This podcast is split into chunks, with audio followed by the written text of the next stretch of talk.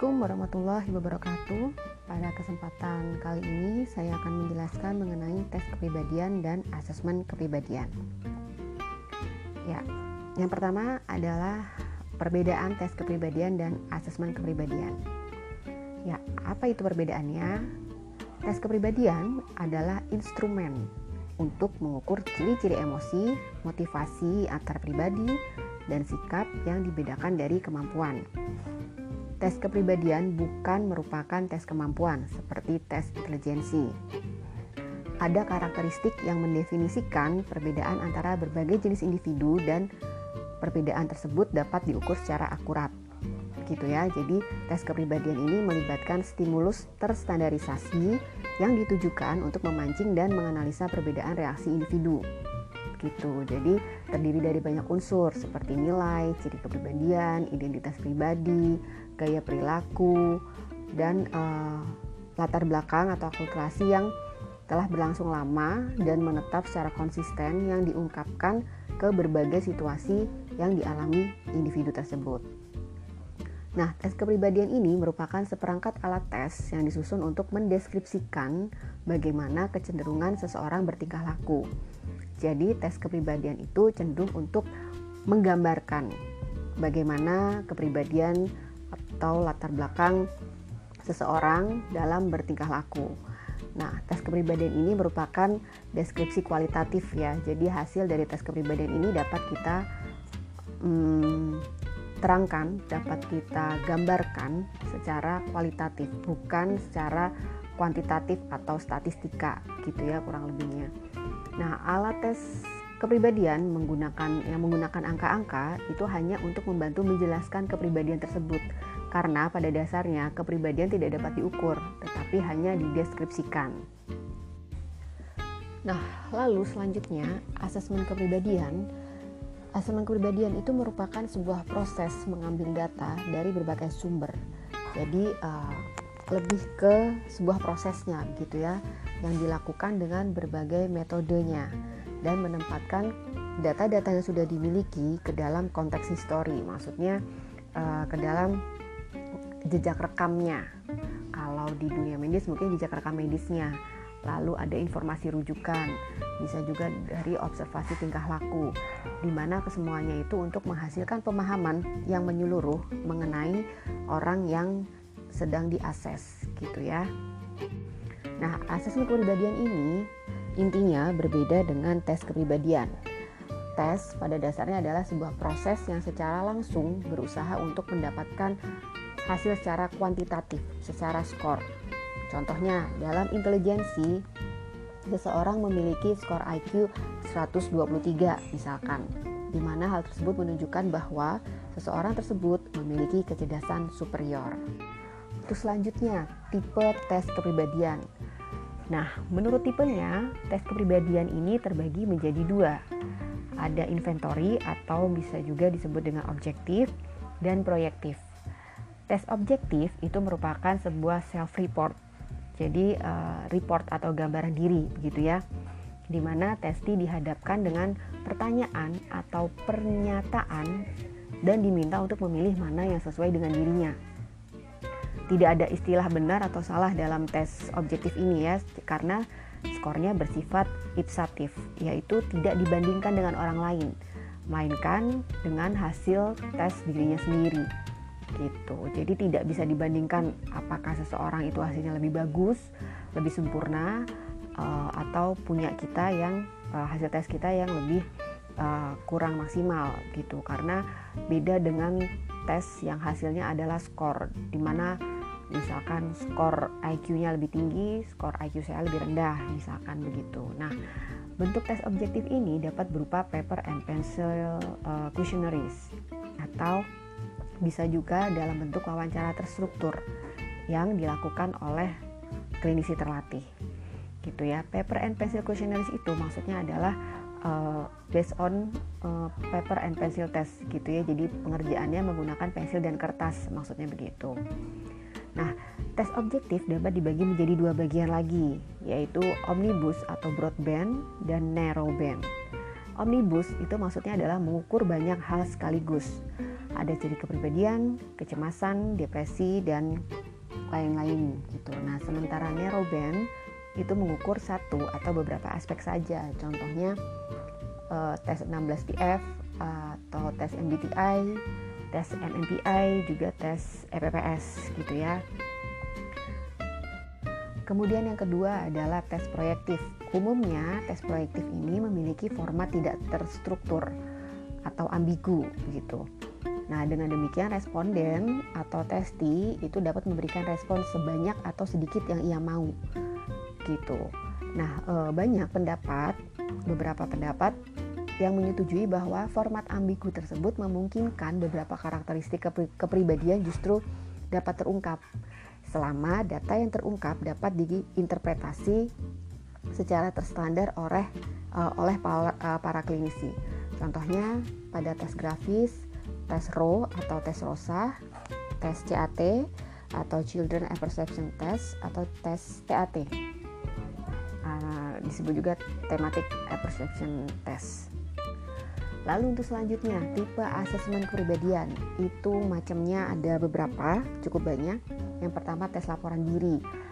Keunggulan tes laporan diri ini atau self report ini uh, lebih terstandarisasi, mudah diberikan, sifatnya reliable, menangkap gambaran diri dengan baik. Gitu. Yang kedua ada tes Q-sort. Keunggulannya adalah responden lebih aktif atau banyak terlibat dan item yang sama dapat digunakan untuk menilai aspek yang berbeda. Namun keterbatasannya sama dengan tes laporan diri. Gitu ya. Contoh dari Q-sort ini adalah penilaian konsep diri, harga diri, keluarga, uh, lalu uh, ter untuk terapi dan generati generativitas. Tipe asesmen kepribadian yang lain adalah penilaian orang lain. Nah, penilaian orang lain yang biasa disebut dengan studi longitudinal Terman itu dikembangkan oleh Louis Terman. Yang dimaksudkan di sini adalah studi longitudinal Terman itu penilaian yang menggunakan kuesioner untuk mendapatkan informasi individu, terutama eh, anak-anak eh, gitu ya, di mana informasinya didapatkan dari orang lain, orang tua atau gurunya. Nah, keunggulan penilaian ini adalah menyediakan sudut pandang yang tidak terbiaskan oleh laporan diri individu dan dengan jelas mengungkap trait yang terlihat gitu. Nah, dapat digunakan untuk menilai anak-anak gitu. Namun, keterbatasannya adalah penilaian ini tidak valid apabila analisisnya kurang berpengalaman atau terpengaruh bias gitu ya. Um, jadi uh, kita sebagai analisis atau kita yang menginterpretasikan atau yang menganalisa kalau uh, kurang memiliki pengalaman dalam menganalisa data dari uh, penilaian laporan apa penilaian orang lain ini tipe asesmen kepribadian ini hasilnya nanti akan kurang valid gitu. Kemudian pengukuran biologis.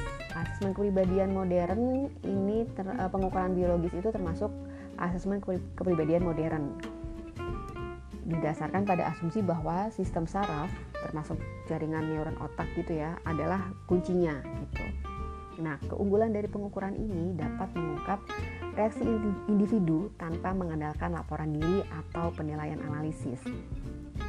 Namun, bisa menjadi sulit atau mahal untuk digunakan hubungan antara hasil biologis dan pola perilaku yang kompleks atau tidak sederhana. Contohnya pengukuran biologis itu adalah uh, waktu reaksi, lalu uh, ada nggak hubungannya dengan kelembapan kulit, pencitraan uh, positron emission, topografi atau disebut juga PET gitu ya, PET gitu tulisannya.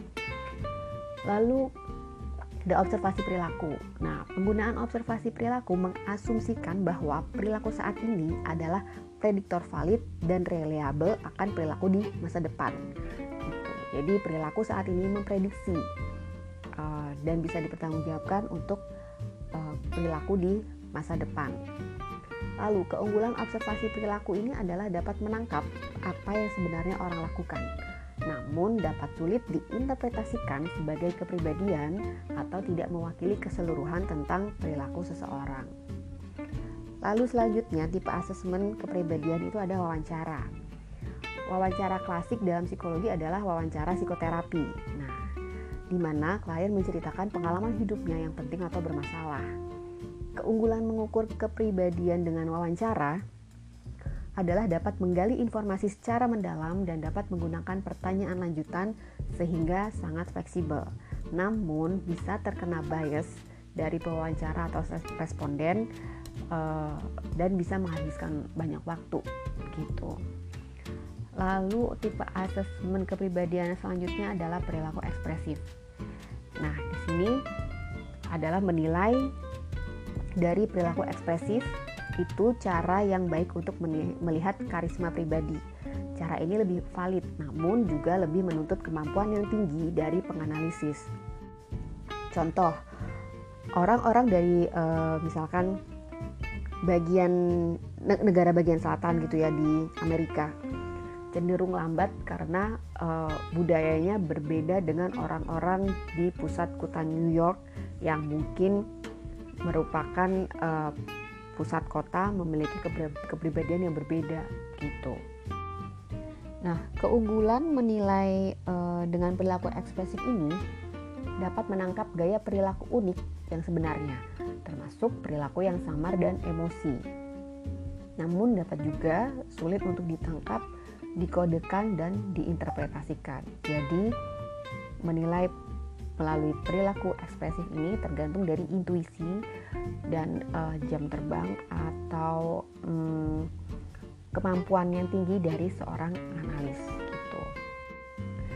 Kemudian asesmen kepribadian yang lainnya tipenya ada analisis dokumen dan riwayat hidup mungkin tidak mengejutkan untuk mengetahui bahwa catatan harian dan catatan pribadi lainnya itu dapat menjadi sumber informasi yang kaya mengenai kepribadian seseorang.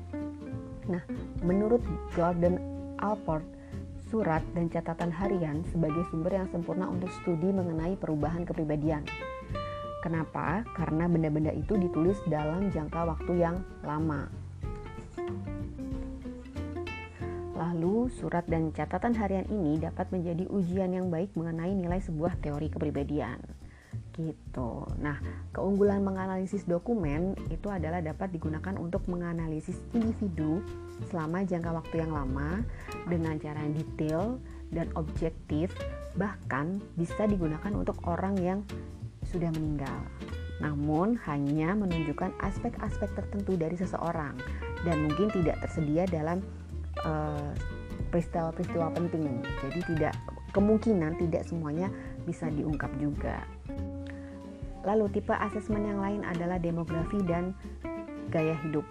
Nah, demografi adalah semua informasi data statistik yang relevan mengenai populasi, misalnya umur, budaya, tempat lahir, agama, terus keluarga gitu ya Nah, keunggulan menggunakan demografi ini adalah dapat menunjukkan kerangka dan pengelompokan di mana individu hidup. Namun pada dasarnya tidak menceritakan banyak mengenai individu tersebut. Dan yang terakhir adalah proyektif test. Nah, tes proyektif adalah teknik asesmen yang berusaha mempelajari kepribadian melalui penggunaan stimulus, tugas, atau situasi yang relatif tidak terstruktur karena tes ini memungkinkan seseorang untuk memproyeksikan motivasi dalam dirinya ke alat tes yang diberikan. Gitu ya. Nah, keunggulannya dapat menggali lebih dalam dan menganalisis aspek yang tidak dapat terungkap dalam laporan diri. Nah, selain itu dapat memunculkan pemahaman untuk diadakan penelitian lebih lanjut. Namun sering memiliki masalah dalam reliabilitas dan validitasnya. Contoh dari tes proyektif ini adalah Draw a Person, Inkplot Rosa, dan TAT atau Thematic Apperception Test. Untuk selanjutnya, manfaat tes kepribadian. Nah, manfaat tes kepribadian ini uh, yang pertama untuk mengetahui kekuatan dan kelemahan individu. Nah, jadi melalui tes kepribadian dapat diketahui kekuatan dan kelemahan diri individu ini akan membantu untuk mengetahui jenis pekerjaan apa yang dapat dikerjakan dan jenis pekerjaan apa yang harus diberikan kepada orang lain atau maksudnya didelegasikan kepada orang lain gitu ya. Yang kedua, manfaat tes kepribadian untuk mengetahui apa yang disukai dan yang tidak disukai. Serupa dengan mengetahui kekuatan dan kelemahan individu gitu ya. kelemahan uh, dan kekuatan diri. Tes kepribadian juga dapat membantu untuk mengetahui apa yang kita sukai dan tidak disukai.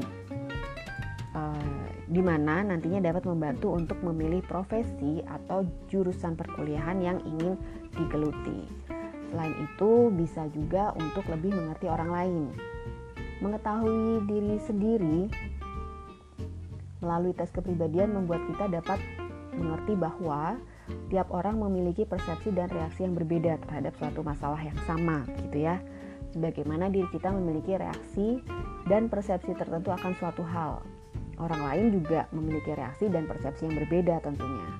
Nah memiliki rasa pengertian terhadap orang lain dapat membantu untuk membangun komunikasi dan hubungan yang baik dengan orang lain selain itu tuh, eh, manfaat yang keempat untuk mengetahui situasi yang tepat untuk mencapai potensi. Tes kepribadian tentunya dapat membantu untuk menggali potensi dan e, nantinya dapat memaksimalkan potensi tersebut. Selain itu, dapat mengetahui lingkungan kerja, lingkungan kerja seperti apa yang sesuai dengan potensi diri. Gitu sehingga e, bisa menjadi cara yang sesuai untuk mengatasi beberapa masalah dan stresor yang dirasakan serta bisa untuk e, mengatur kebiasaan kerja. Yang terakhir, manfaat tes kepribadian adalah memilih pekerjaan yang sesuai. Namun, tes kepribadian juga dapat digunakan oleh pihak perusahaan untuk mencari karyawan yang sesuai dengan kriteria perusahaan. Begitu, sekian penjelasan dari saya. Apabila ada yang ingin didiskusikan, silahkan dikoordinasikan dengan komting kelasnya. Nanti um, akan saya bantu jawab. Lalu mini questionnya adalah mini questionnya apakah tes kepribadian dan asesmen kepri kepribadian saling terkait atau tidak? Silahkan dijelaskan dan dijawab di WhatsApp group. Sekian dari saya. Jika ada yang kurang berkenan, saya mohon maaf. Wassalamualaikum warahmatullahi wabarakatuh.